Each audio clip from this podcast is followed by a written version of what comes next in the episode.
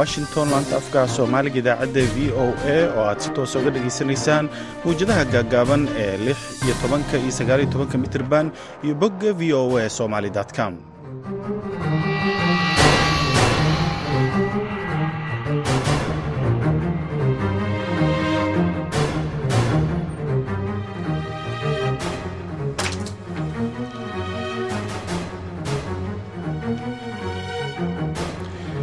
waa maalin sabti ah saddexda bisha febraayo sannadka laba kun iyo afar labaatanka. Idaacadda galabta iyo wararka v o a waxaa idinla socodsiinaya anigoo ah cabdulqaadir maxamed samakaab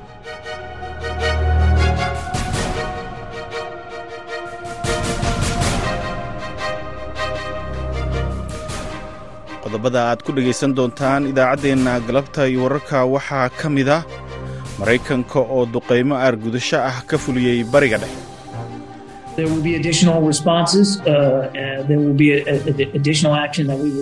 waxaa jiri doona tallaabo dheeri ah oo aan qaadi doonno dhammaantood. Waxaa loogu talagalay in lagu soo afjaro weeraradan iyo in meesha aan ka saarno awoodda ciidanka i r g c. Waxaa kaloo dhegaysan doontaan barnaamijkii hambalyada iyo heesaha xubintii dhacdooyinka toddobaadka iyo qodobo kale balse intaasoo dhan waxaa ka horreeya warkii dunida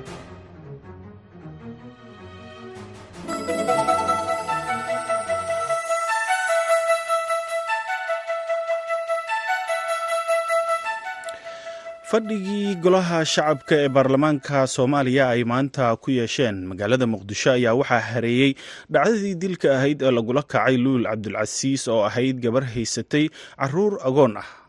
golaha shacabka ayaa intooda badan fadhigooda ku muujiyey dareenka ay ka qabaan dilka naxdinta leh ee loo geystay gabadhii la gubay oo la sheegay inuu ninkeeda gubay waxayna ku baaqeen in laamaha amniga ay si deg deg ah ku soo qabtaan maxkamadna la horgeeyo. Gudoomiye ku-xigeenka golaha shacabka cabdulaahi abshirow ayaa fadhiga ka sheegay in dhacdada dilka ah ay u xil saareen guddiga xuquuqul insaanka arrimaha haweenka iyo bini'aadanimada ee golaha shacabka una yeereen ayna u yeeraan hay'adaha amniga iyo xeer ilaalinta laguna sameeyo dabagal iyo baaritaan deg deg ah. Xildhibaan maxamed ibraahim maclimu oo isna ka tirsan golaha shacabka ayaa sheegay ama ku tilmaamay wax aan la aqbali karin iyo bar madow in xilligan la joogo aan la soo qabanin qofka geystay faldembiyeedka noocaas ah ee gabadha lagu dilay. Xildhibaanad saynab maxamed caamir oo iyadana ka hadashay dhacdada dilka ayaa sheegtay ayaa markaasi sheegtay in xubnaha baarlamaanka ee dumarka iyo iyo haweenka soomaaliyeedba ay shan iyo tobanka bishan isugu soo baxaan bannaanbax ay kaga falcelinayaan. Falka gabadha lagu dilay waxayna soo jeedisay in la garab istaago gurmadna loo fidiyo agoontii ay ka tagtay xildhibaanad saynab ayaana markaasi si weyn u muujisay dareenkeeda iyadoo ka ilmaysay dhacdada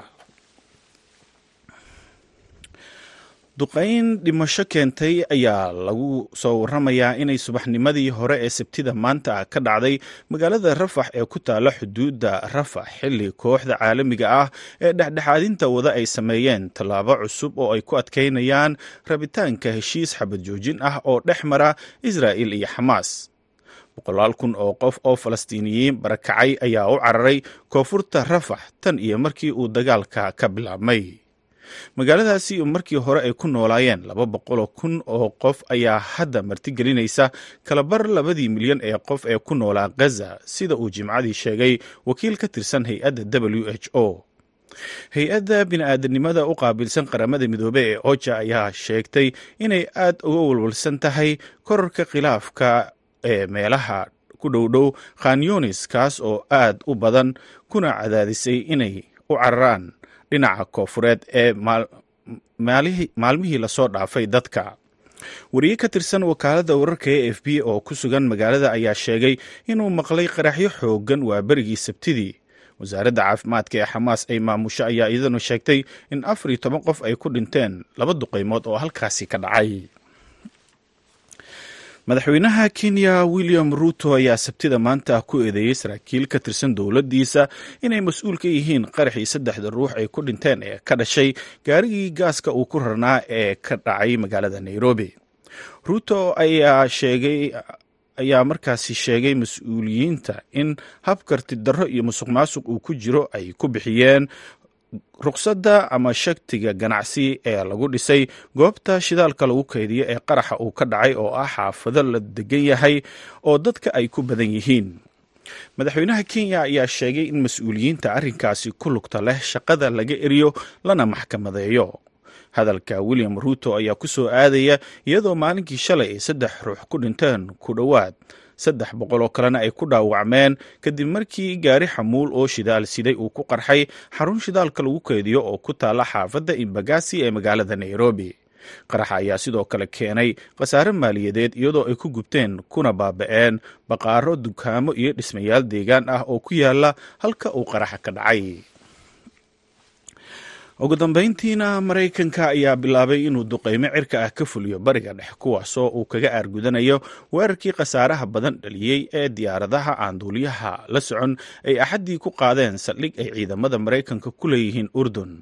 taliska dhexe ee ciidamada maraykanka ayaa sheegay in ciidamadoodu ay jimcadii duqeymo xagga cirka ah ka fuliyeen ciraaq iyo syriya kuwaas oo lala beegsaday ciidamada qudus ee ka tirsan ciidamada ilaalada kacaanka islaamiga ee iiraan iyo kooxo maleeshiyaad ah oo taabacsan. Milatariga ayaa duqeeyey in ka badan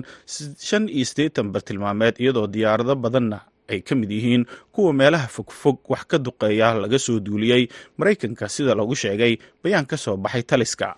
faahfaahinta warkan waxaad ku maqli doontaan idaacadaheenna dambe dhegaystayaal warkeennii dunidana waa naga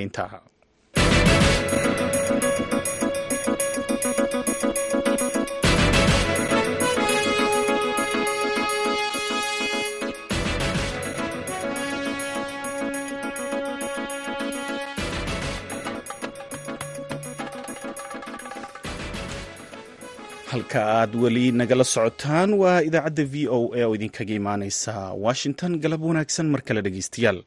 aan ku bilowna sidii aad warkeennaba ku maqlayseen maraykanka ayaa bilaabay inuu duqeymo cirka ah ka fuliyo bariga dhexe kuwaasoo uu kaga aargudanayo weerarkii askarta ku dhinteen ee diyaaradaha aan duuliyaha la socon ay axaddii ku qaadeen. Saldhig ay ciidamada maraykanka ku leeyihiin urdun. Wariyaha v o eda arrimaha amniga qaranka jeff selden ayaa warbixintan noo diyaariyey waxaana noo hayaa maxamed bashiir cabdiraxmaan. Diyaaradaha meelaha fogfog wax ka duqeeya ee maraykanka ayaa in ka badan boqol shan iyo labaatan hubka sida saxda ah isku haga waxay ku garaaceen ilaa siddeetan iyo shan bartilmaameed oo lala xiriiriyey maleeshiyada ay iiraan taageerto ee ka howlgala suuriya iyo ciraaq waana howlgal bilow ah jawaabahaasi caawa ayay bilowdeen mana dhammaan doonaan caawa. Kaasina waxa uu ahaa afhayeenka golaha amniga qaranka ee aqalka cad jan kirby oo wariyaasha la hadlayay xalay.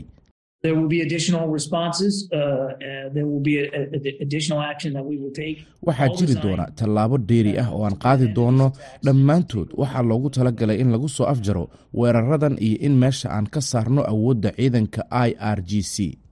duqeymaha maraykanka ayaa ah kuwii ugu horreeyey tan iyo markii maleeshiya taageersan iiraan ay saddex askari oo maraykan ah ku dileen weerar diyaarad aan duuliyo lahayn ay ka fulisay saldhigga saadka maraykanka ee dalka urdun. Waxaana weerarkaasi uu ahaa mid ka mid ah ugu yaraan boqol iyo lixdan iyo lix weerar oo lagu qaaday ciidamada maraykanka tan iyo bartamihii bishii oktoobar sarkaal ka tirsan militariga maraykanka ayaa v o a u sheegay in hadafka duqeymaha uu ahaa in burbur xoogan loo geysto xarumaha la garaacay ee ay lahaayeen kooxaha ay iiraan taageerto kuwaasi oo laga soo qaado weerarada ka dhanka ah maraykanka.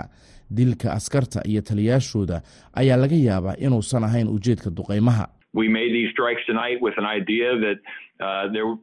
Duqeymahan ayaan caawa qaadnay annagoo ka fikirnay inay dhici karto in khasaare uu gaaro dadka ku sugan xarumahaasi genaraal douglas simis oo ka tirsan guddiga taliyaasha wadajirka ah ee ciidamada maraykanka ayaa sheegay in qiimeynta horudhaca ah ee weerarada ay muujinayso in maraykanka uu si sax ah u garaacay goobihii uu qorshuhu ahaa in la beegsado. Mahadsanid maxamed bashiir cabdiraxmaan oo warbixintaasi noo soo koobayey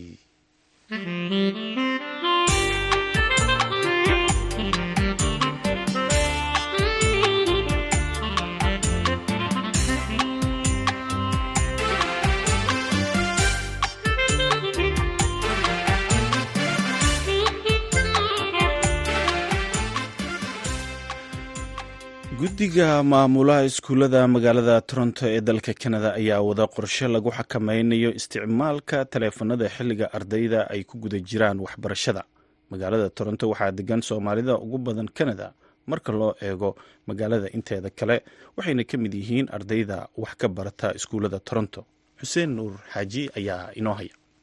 Guddiga waxbarashada iskuullada toronto oo loo soo gaabiyo t d s b ayaa kulankoodii arbacadii ku ansixiyey siyaasad cusub oo lagu wajahayo isticmaalka taleefanada ardayda xilliga ay waxbaranayaan.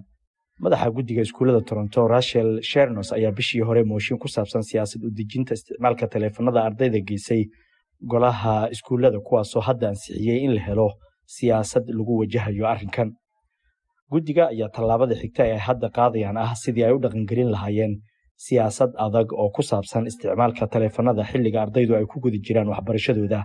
kaasoo dhaqangelaya sanadka dambe. Guddiga iskuullada toronto ayaa ah kan ugu weyn kanada waana kan ay dhigtaan dadyooga ugu badan ee meelo kala duwan ka soo jeeda. Waxay maamulaan shan boqol laba iyo siddeetan iskuul oo ay dhigtaan qiyaas ahaan laba boqol shan iyo soddon kun oo arday. Wasiirka waxbarashada gobolka ontario stephen leger ayaa xilli sii horreysay isagoo warbaahinta la hadlayay waxa uu sheegay in iskuullada gobolku ay u baahan yihiin in ay waxweyn ka qabtaan isticmaalka taleefanada gaar ahaan tigtogga oo uu ku sheegay mid ardayda ka mashquulinaya waxbarashada. Wuxuu intaasi ku daray inuu si aada u taageerayo tallaabo kasta oo lagu xakamaynayo isticmaalka taleefanada oo uu ku sheegay inuu dib u dhac waxbarasho u keeno ardayda. Farxaan cabdulaahi cali wuxuu ka mid yahay ardayda sannadkii hore dhammaystay dugsiga sare. Hadda wuxuu waxbarashada duuliyanimo diyaaradeed ka bartaa jaamacad ku taalla magaalada london ontario. Wuxuu iga warramay fikraddiisa ku saabsan in sharciyo adag la duldhigo isticmaalka taleefanada xilliga waxbarashada iskuullada ani waa ku raacsanahay in taleefanada la mamnuuco because taleefanada waxaa ku jiro waxyaabo badan oo waxbarashada dadka mashquuli karo sida tiktok iyo youtube camal iyo facebook ama ama like abab kalaba. Laakiin ani waxaa dhihi lahaa lagu bedelo combyuutarka combyuutarka karoon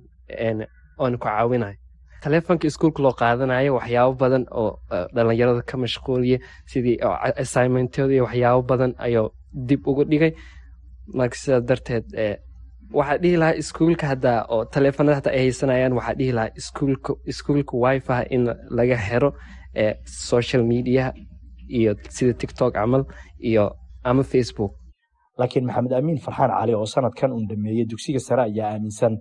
inay habboon tahay in gebi ahaanba aanan la mamnuucin taleefanada balse la xakameeyo isticmaalkooda. Aniga waxaan dhihi kuma raacsanii maxaa yeele mobeelada yno markuu qof like cunuga wax u baahdo waalidkiis camal wuu wici lahaa. Haddee wax ku dhacaan waalidkiis wuu ka wici lahaa. Haddii kalena like iskuulka marka wax laga weydiiyo wuxuu like wuu sirjgareynaa kadibna wuu caawinaysaa galaaska waxaan dhihi lahaa hal xakameeyo laakiin yaa laga wada mamnuucin. Guddiga iskuullada toronto xilligan ma lahan siyaasad qayaxan oo ardayda ka mamnuucaya isticmaalka taleefanada xilliga ay ku guda jiraan waxbarashada. Tallaabadan ayaana ah qorshe ay ku hirgelinayaan siyaasad cusub oo lagu wajahayo isticmaalka taleefanka. Waalidiinta qaar ayaa ka mid a dadka soo dhoweeyey qorshahan ay wadaan guddiga iskuullada toronto oo ku saabsan isticmaalka taleefanada xilliga ardaydu ay ku guda jiraan waxbarashadooda. Xuseen nuur xaaji v o a toronto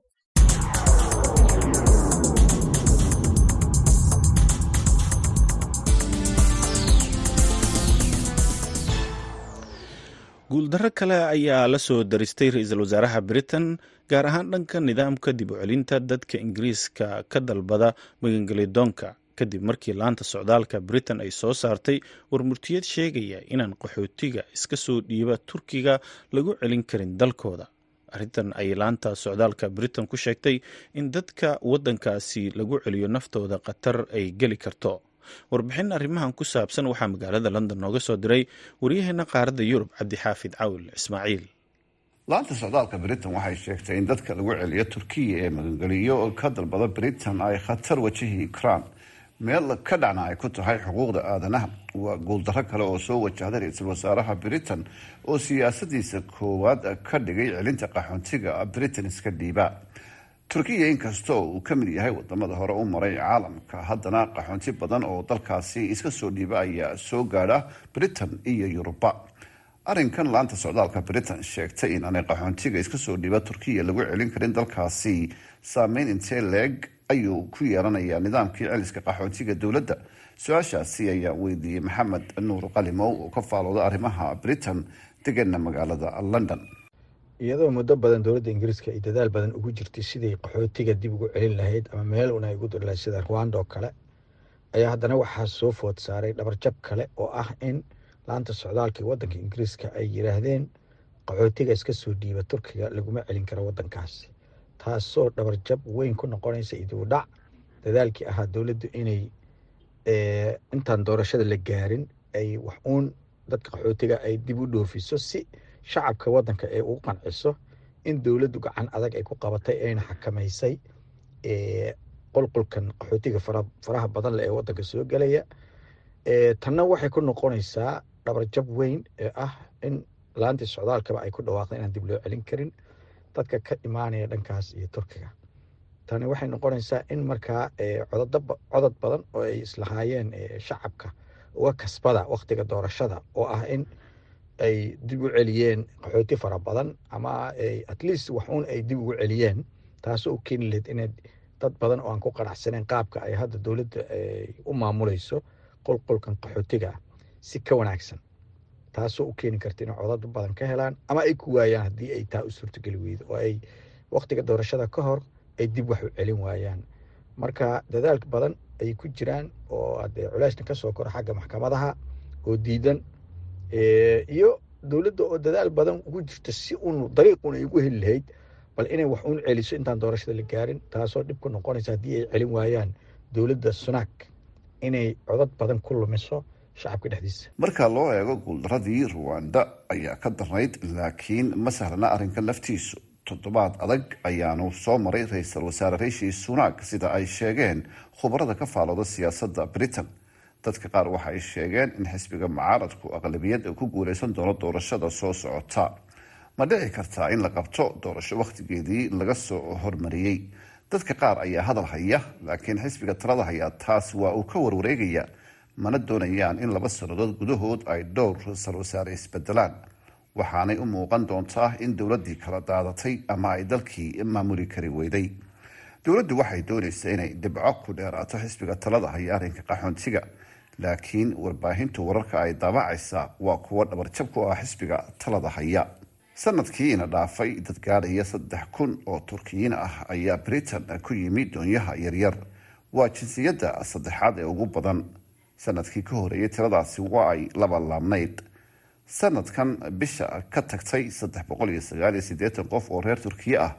ayaa britain ka dalbaday magangeliyo waxaan isku dayay inaan la hadlo khuburo ku sugan dalka turkiga oo soomaaliyeed oo aan weydiiyo sababta ay dadka turkiyiintahay isaga dhiibaan waddamada yurub.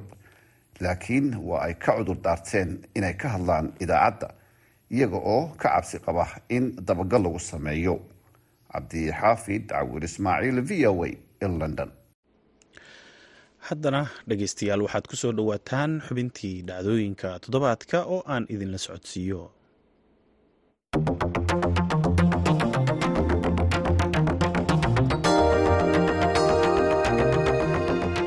aan ku bilownay hay'adda sirdoonka iyo nabad sugidda soomaaliya ee nisa ayaa toddobaadkan sheegtay inay hawada ka saartay mareego dhinaca internetka ah iyo akoonno whatsapp-ka ah oo ay lahaayeen shaqhsiyaad lala xiriirinayay ururka al-shabaab. Hay'adda ayaa hadalkan ku shaacisay qoraal ay soo dhigtay boggeeda x ee loo aqoon jiray twitter-ka haddaba maxay muhiim ugu tahay dowladda soomaaliya? Inay barahaasi xirto iyo waxaa tallaabadaasi ay soo kordhin karto ayaa wariyaha v o eda ee magaalada muqdisho cabdicasiis barrow uu weydiiyey wasiir ku-xigeenka warfaafinta soomaaliya cabdiraxmaan yuusuf al cadaala arrintaani waxay qayb ka ahayd dagaalka weyn oo dowladdu ay kula jirto nimankaas khawaarijta in guud ahaan dalka iyaga iyo mabda-oodaba laga cirib tiro isticmaalka marka warbaahinta ama ha ahaato websaytyada ama social media ha ahaatee waxay u ahayd aalad muhiima ama janal muhiima oo ay ku gudbiyaan fariimahooda dadka ku cabsi geliyaan dowladdu marka muddo hadda sanad iyo dhowr bilooda waxay ku soo jirtay dagaal adag oo arrintaas lagu baabiinayo maraaxil kala duwan ay soo martay. Waad ogtahay marka hore dowladdu inay qaraara soo saartay oo gudaha dalka laga mamnuucay kadibna muxuu ahaa websaytyadan oo runtii ahaa intooda badan ama dhammaantood websaytyo dalka dibaddiisa laga diiwaan geliyey sidoo kaleetana inta badan adeegyada ay ku tiirsan yihiin hawada ku haya ay yihiin kuwo banaanka yaalla muxuu ahaa dalal dibadda ah laga leeyahay. Waxaa muxuu ahaa dowladdu dadaal u gashay sidii arrintaas maaragta muxuu ahaa inta loo mara dariiqooyinka caalamiga loo joojin lahaa. Ugu dambaysna taasaa maaragtay soo gabagabowday oo guul weyn laga gaaray oo warka muxuu ahaa nabad ay soo saartay uu ku saabsan yahay. Waxaana ku faraxsannahay runtii in muxuu ahaa joogitaanka khawaarijta ee internetku uu muxuu ahaa gabaabsi yahay ama uu dhammaad yahay. Tanuna ay tahay runtii meeshii ugu weyneed ay ku tiirsanaayeen. Waxaa kaloo runtii guul ah in muxuu ahaa hay'adda sirdoonka qaranku ay awood u yeelatay in ay ogaato oo ay hesho muxuu ahaa macluumaadka dadka ama khawaarijta ah ama khawaarijta taageera ee adeegyadan u fududeeya ee bangiyadooda ay ku xiran yihiin muxuu ahaa documentskooda muxuu ahaa uga uga diiwaan geliyo kuwaasoo ayagana sharciga lala tiigsan doono. Marka waxaan rajeynaynaa inay soo afjarto brobagando iyo cabsigelin iyo waxyaabo badan oo aan dadka soomaaliyeed munaasib u ahayn waa gartay marka ma jiraan dadkaasi aada ogaateen in bangiyadooda lagu furay oada xogtooda dowladdu ay heshay qaarkood inaad qabateen. Runtii dadkaas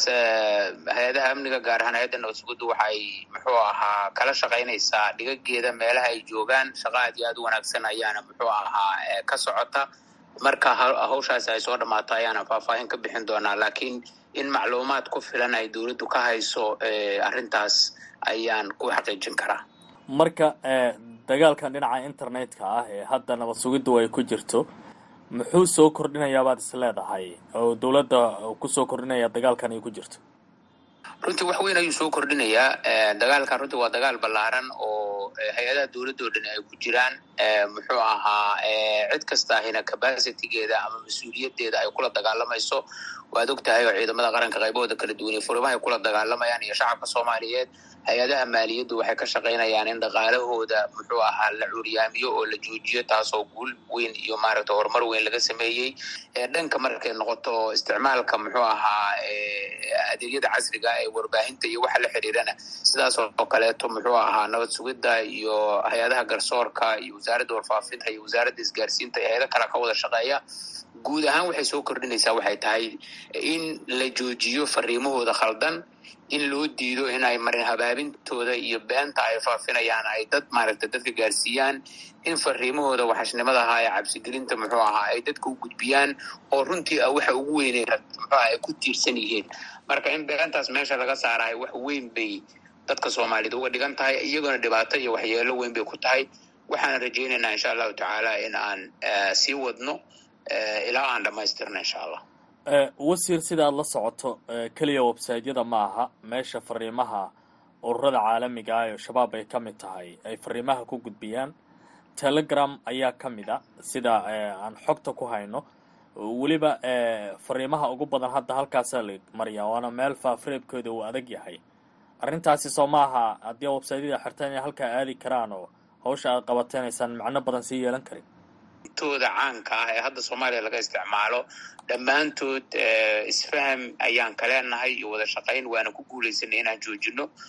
telegram hadda khawaarijtu awooduma lahaa inay ku gudbiyaan maaragtay muxuu ahaa fariimahooda wakti ay ku gudbin jireen waa jirtaa laakiin dowladdu waxay ku guulaysatay in la joojiyo oo aanay hadda fariimahooda u isticmaali karin telegram kaasi wuxuu ahaa wasiir ku-xigeenka warfaafinta soomaaliya cabdiraxmaan yuusuf al cadaala oo u warramayey wariyaha v o eda ee muqdisho cabdicasiis axmed barrow. Haddaba tallaabadan ay dowladda ku xirtay barahan.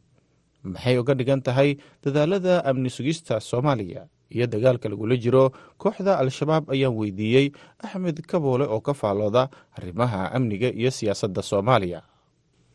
guulaha runtii ay dowladdu ka heli karto furitaanka mareegaha argagixisada ee soomaaliya waxaa ka mid ah sugidda amniga qaranka oo yacni amniga qaranka oo la hagaajiyey ayaa waxay tusinaysaa inay tahay darajadii labaad oo amni sugidsa soomaaliya. Sidaas daraaddeed in la gaaray waktigii lala dagaalami lahaa ee xiriirkooda isgaarsiintii oo al-shabaab oo brobagandada ay ka gudbi jireen oo runtii meesha ka baxaysa taasuna waxay sahlaysaa waa qayb ka mid a ka hortagga xagjirnimada. Sidoo kaleeta dhimista in la askareeyo dhalinyarada iyo afkaarta lagu qanciyo kooxaha xagjirka laftirkeeda dowladdu way ka faa'iidaysaa inay ka hortagto marka tallaabadana waxay wiiqaysaa awoodda kooxda ee abaabulka iyo sida communicationka badanaa waxay isticmaalaan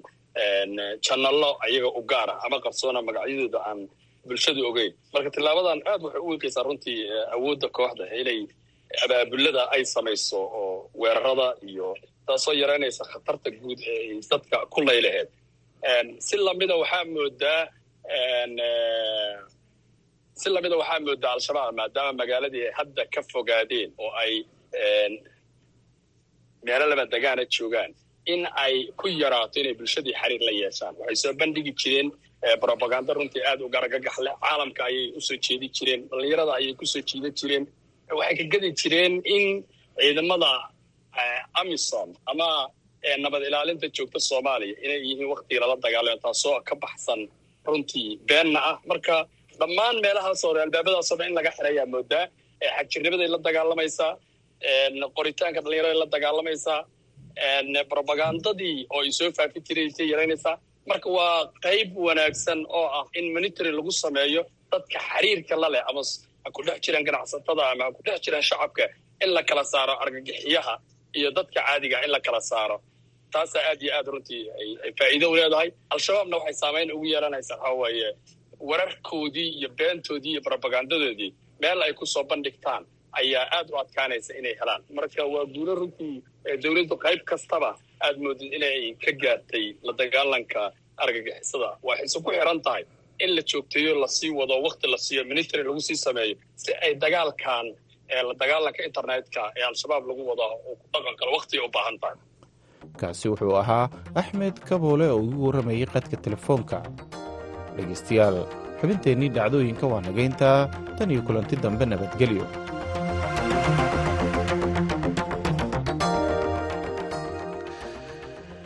intaas aan ku dhaafno xubintaasi haddana waxaad ku soo dhowaataan barnaamijkii hambalyada iyo heesaha. Nuur xasan nuur iyo ibraahim daandurey ayaa inoo haya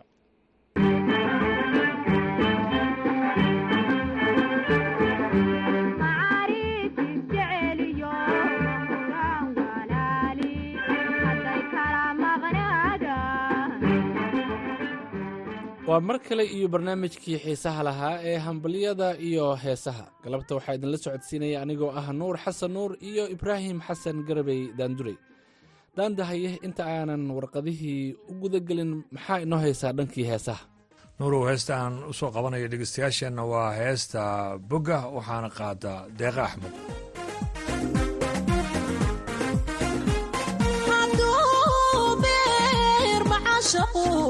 weligii ma bahaaba'o ila baata mooye ma bogsooda qofku helay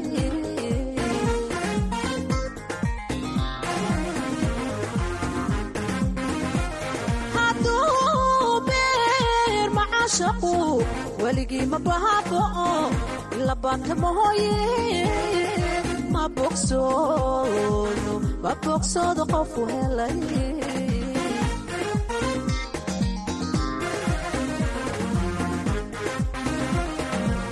hildhaan baad ka garataa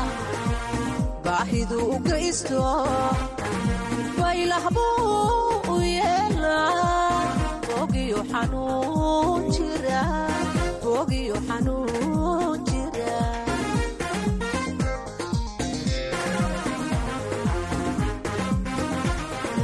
Hildhaan baad ka garataa baahidu u gaysto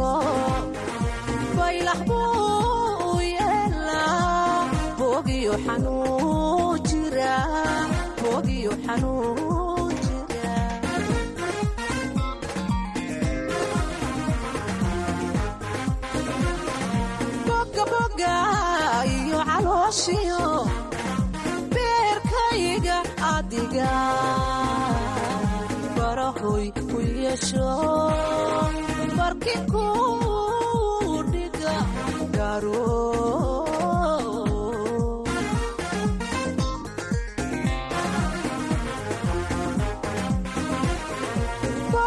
bogaboga iyo calooshiyo beerkayga adiga. Barahoy ku yeesho barkinku dhiga gaaro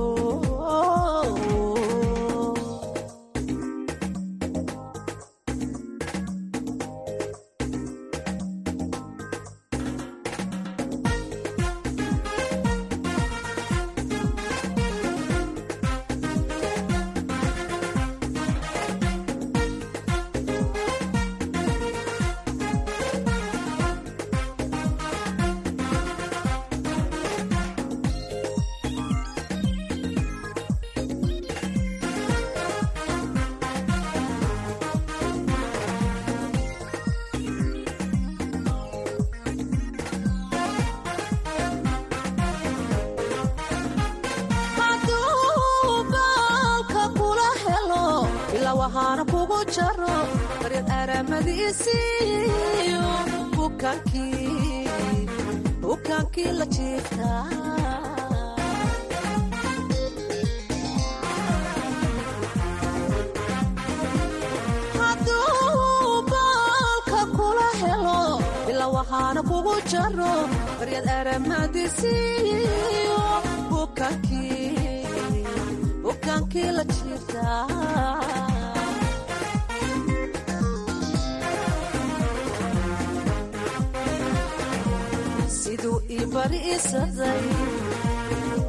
hurdaadii ka ba'do kalgacayl buruudlay ana balaga ilulay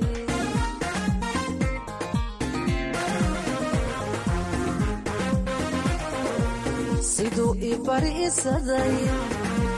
hurdaadii ka ba'do kalgacayl ana balaga ilulay ana balaga ilulay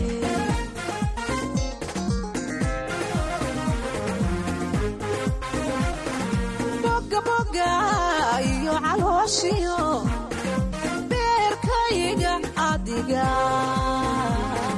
Barahoy u yeesho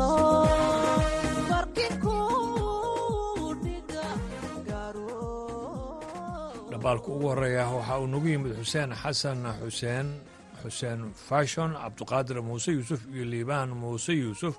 Hooyooyin kale ah faadumo nuur iyo carruurteeda iyo faadumo warsame iyo carruurteeda iyo cabdikafaar bashiir iyo xaaskiisa iyo carruurtooda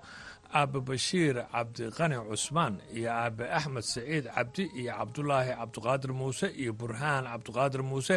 aasi axmed cabdi iyo saygeeda iyo caruurtooda iyo khadiijo axmed cabdi saygeeda iyo caruurtooda. Dhammaanna waxay kala joogaan dalka gudihiisa iyo dibaddiisa. Waxayna jecel yihiin inay hambalyo ay hawada u mariyaan.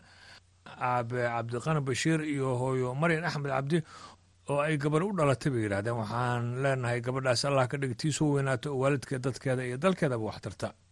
Daanduray dhambaalka dhankayga ugu horreeya waxa uu naga soo gaaray dadka kale ah aamine ibraahim iyo xasan jimcaale aasiye faarax shacbaan weyle ibraahim aadan cabdulqaadir ibraahim iyo cali ibraahim iimaan ibraahim nasre ibraahim xasan ibraahim xaawo ibraahim luuley ibraahim caashe ibraahim qasiide ibraahim iyo awees ibraahim daahir ibraahim maxamed ibraahim aadan nuune iyo dhammaan reer shacbaan. Salaad oo kale ah ismaaciil shacbaan shariifo shacbaan faadumo shacbaan shamso shacbaan faarax shacbaan iyo shiro shacbaan cabdiwahaab faarax shacbaan faa'iso faarax shacbaan shukri faarax shacbaan. Dhammaan qoyska reer ibraahim aadan iyo qoyska reer faarax shacbaan waxay hambalyo u dirayaan maxamed amiin faarax shacbaan iyo nasteexo shiro shacbaan oo arooskooda uu ka dhacay degmada afgooye ee gobolka shabeellaha hoose. Waxaan leenahay isku waara ubad khayr qaban allah idinkala siiyo. Aamiin. Markaana aan dib ugu laabanno kaalimihii heesaha waxaan idin haynaa heesta nagaadi codadka hibanuura iyo cabdinaasir macalim saciid anak iyo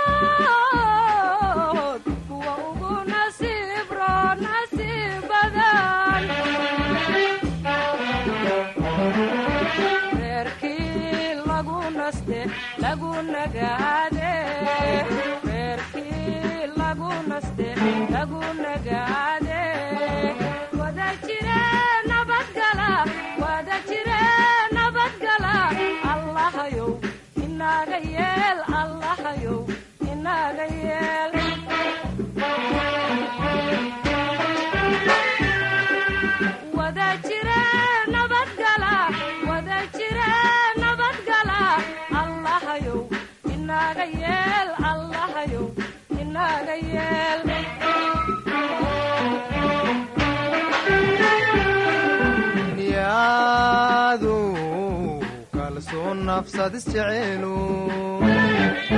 niyaadu kalsoon nafsad isjecelu cawaynur inaga kuwada nool cawaynur inaga kuwada nool cawaynur inaga kuwada nool cawaynur inaga kuwada nool nafa dhaladayaalyo ilcaana iyo nafa dhaladayaalyo ilcaana iyo wiilna iyo wiil kii lagu nastay lagu nagaadi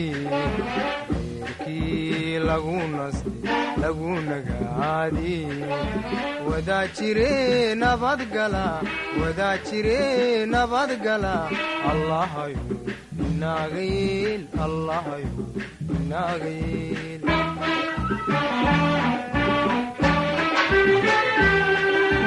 wadaajire nabadgala wadaa jire nabadgala allahayu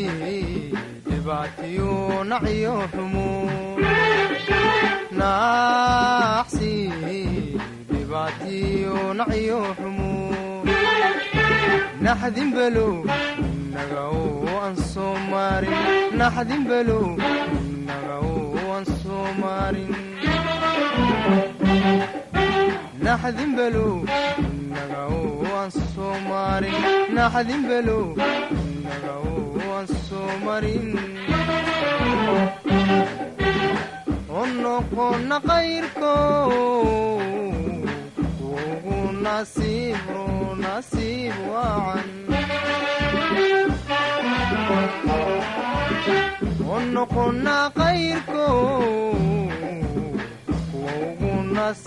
ونصيب عن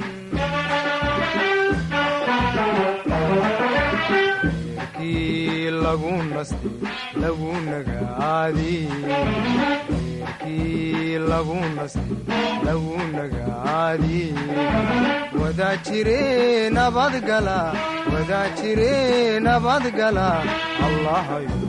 inaagayeel allahayo inaagayeel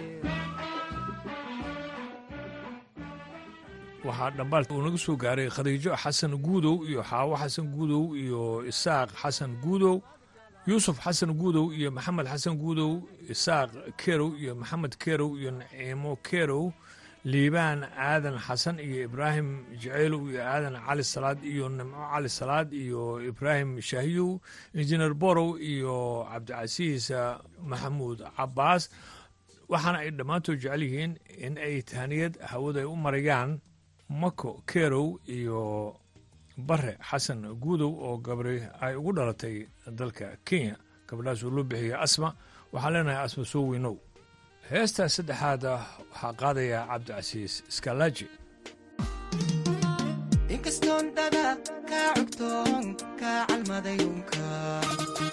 Inkastoon qalbiga ku culoon wancadkayga ku haysta iyo cududa ruuxdayda isha quraadan eray i tareen jiidan kala daaye inkastoon dada kaa cogtoon kaa calmadayunka inkastoon qalbiga ku culoon kaa dalbada cirsi wancadkayga ku haysta iyo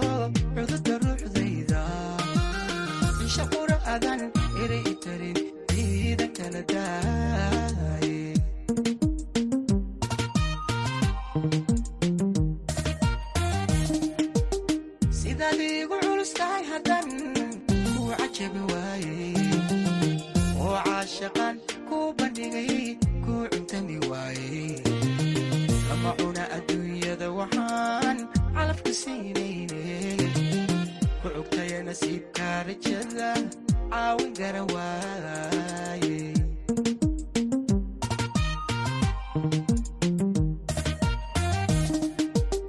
sidaad iigu culus tahay haddan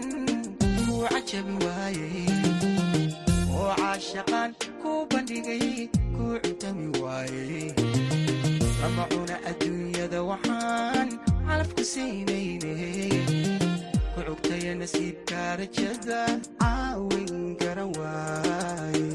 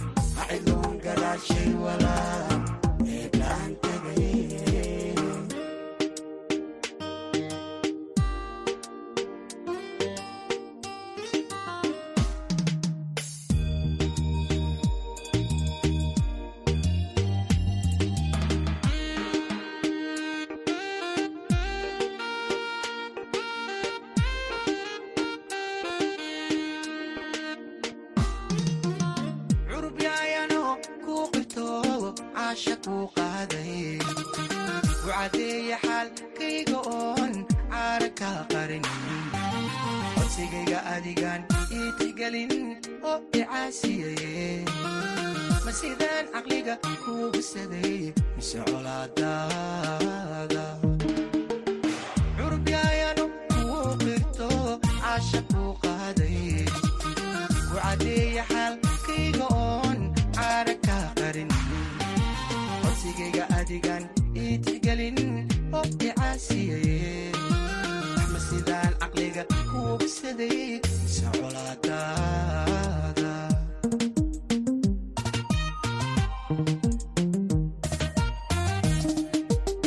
cud kale aanun sheeganiyo dirsi kala toonna care edegna aad miga ku nool aan cid kugu doorsan iyo u coldaan shuu ahaa cashaqan huraye haba curi lahaydaa intan heesa ku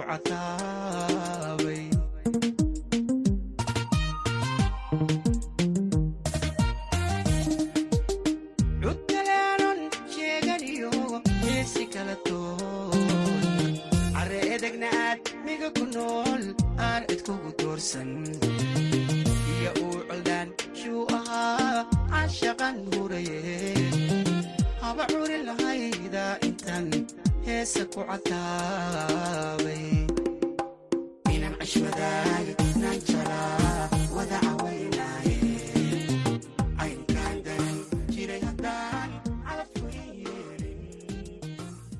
haatanna waxaa noo baaqay dadka kale ah cabdicasiis xasan saciid iyo malyuun xasan saciid jamaal xasan saciid cibaado xasan saciid rooble cabdi saciid ciise cabdi saciid iyo abaayo cabdi saciid fawisiya cabdi saciid wanaago cabdi saciid iyo salme cabdi saciid gacalo cabdi saciid iyo aabo cabdi saciid cusmaan aabo xasan saciid cusmaan eedo geediyo saciid cusmaan eedo faadumo saciid cusmaan iyo eedo nuuriyo saciid cusmaan adeer bare saciid cusmaan iyo adeer cali saciid cusmaan. Dhammaan dadkaas oo kala jooga dalka iyo dibaddiisa waxay halkan tahaniyada aroos ay hawada uga marinayaan. Arooska iyo aroosadda saciid cabdi saciid iyo sahro aadan cabdi oo arooskooda uu ka dhacay gobolka baay gaar ahaan magaalada baydhabo jannaay waxaanu leenahay isku waara ubad kheyr qabanna allaha idinkala siiyo. Aamiin dhambaalkan wuxuu noogu yimid nuur sheekh xasan carte iyo aabe sheekh cabdi sheekh cali iyo hooyo xabiibo xaaji xasan maadey adeer cabdulaahi sheekh cali iyo adeer siciid sheekh cali iyo maxamed sheekh cabdi iyo nuur sheekh cabdi iyo cabdirasaaq sheekh cabdi deerow sheekh cabdi guuleed sheekh cabdi cabdifataax sheekh cabdi nuuro sheekh cabdi jamiilo sheekh cabdi firdowse sheekh cabdi nasro sheekh cabdi aamine sheekh cabdi eedo shariifo sheekh cali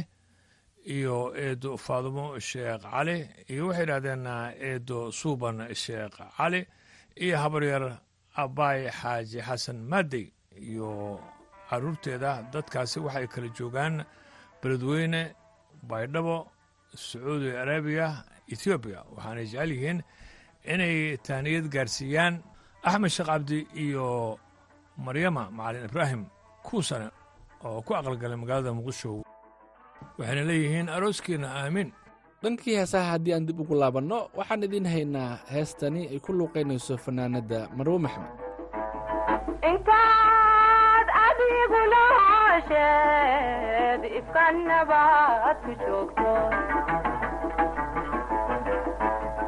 intaad adigu noosheed ifka nabaad ku joogto intaad adigu noosheed ifka nabaad ku joogto anad nacasnimoy raacdeen anad idhaanaxaynin anad idhaanaxaynin nacasnimoy raacdeen nafsii kuguma dirayo nabcashiya weeye nasiihawsha goorun nasiihawsha goorun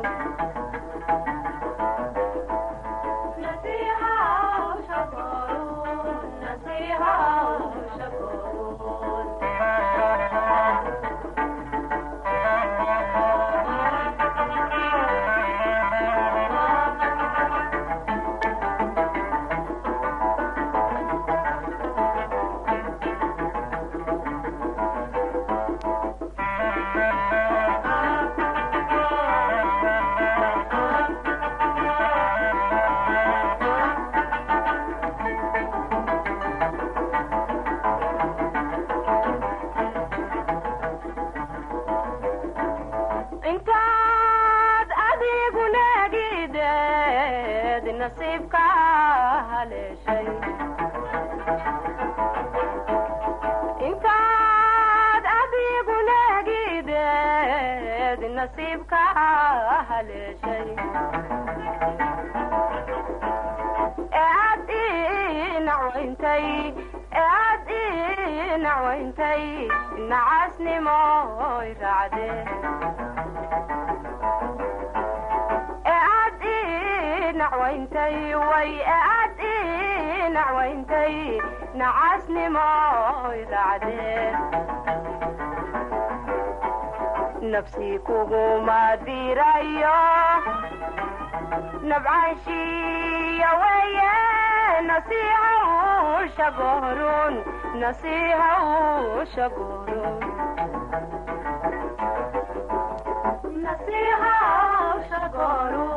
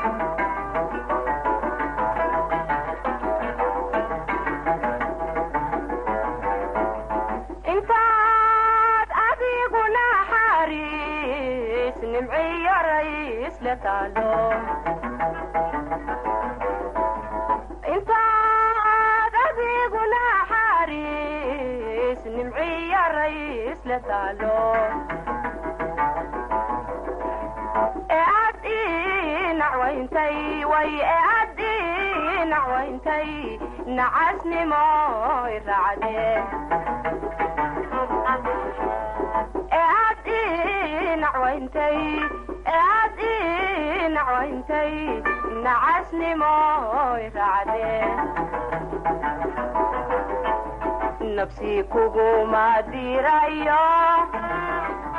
nabcaanshiya weeye nasiiha usha goorun nasiiha usha goorun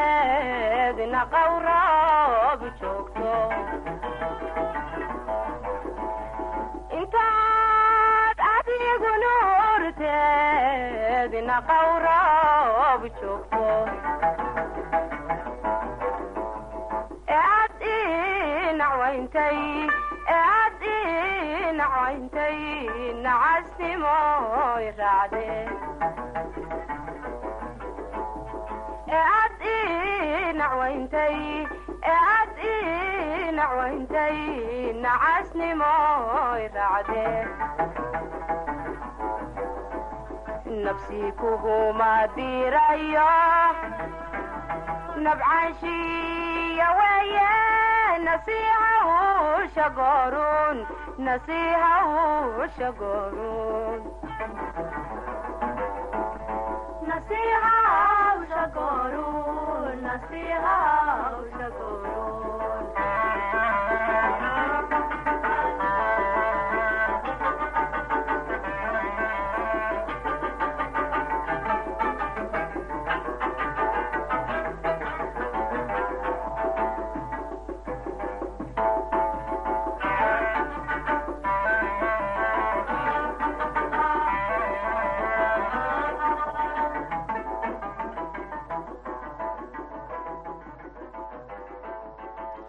hambalyadani waxaa diraya hooyo caasho cabdulaahi xasan iyo aabbo kadiil maxamed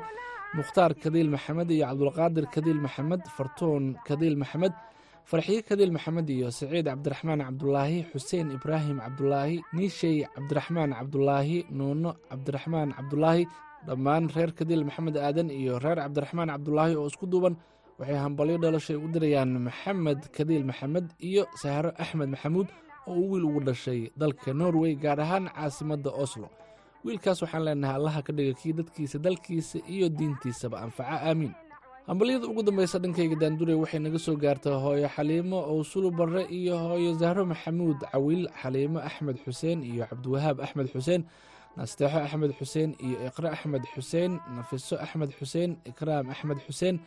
cabdikhadar axmed xuseen iyo salmo maxamed cabdulaahi iyo seygeeda kamas faarax barre maxamed faarax barre iyo cabdulqaadir faarax barre bilo faarax barre iyo cabdicasiis maxamuud cabaas injineer borow iyo yaasiin ibraahim dhammaan asxaabtan waxay u hambalyeynayaan. qiyaas maxamed nuur iyo dhuux axmed xuseen oo ay gabar ugu dhalatay magaalada gaarisa gabadhaas waxaa loo bixiyey xamda waxaan leenahay allaha ka dhigo tii dadkeeda dalkeeda iyo diinteedaba anfacda aamiin heesta ugu dambaysay aan dhegihiinna uga sii tegi doonana waxaa ku wada luuqeynaya fanaaniinta macow awdiinle iyo luul jaylaani cali. Waxaan heestaasi ay ugu dambeysay barnaamijkeeni hambalyada iyo heesaha.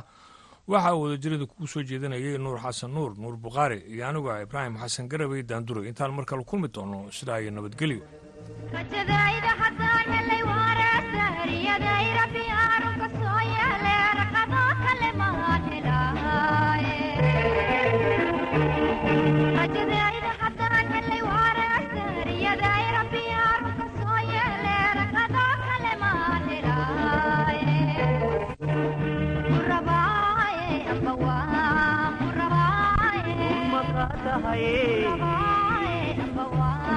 murabaaye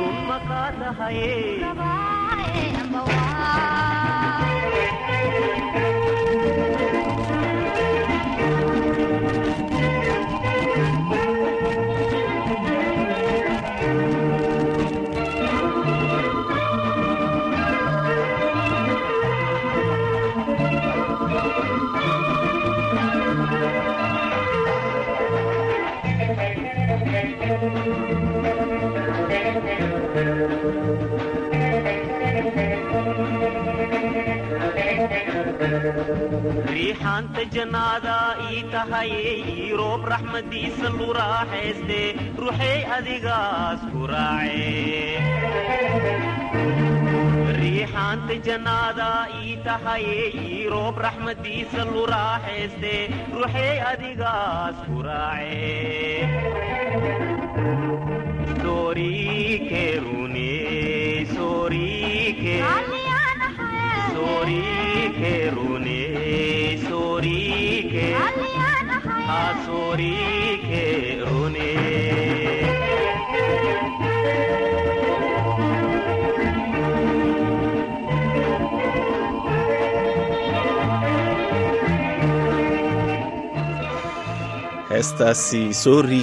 riike iyo run makaa taha ayaa u dambeysay idaacaddeenna iyo guud ahaanba barnaamijka hambalyada iyo heesaha. Nuur xasan nuur iyo daanduray ayaana la socodsiinayey guud ahaanba idaacaddeenii galabnimo waa naga intaa tan iyo kulanti dambe nabadgelyo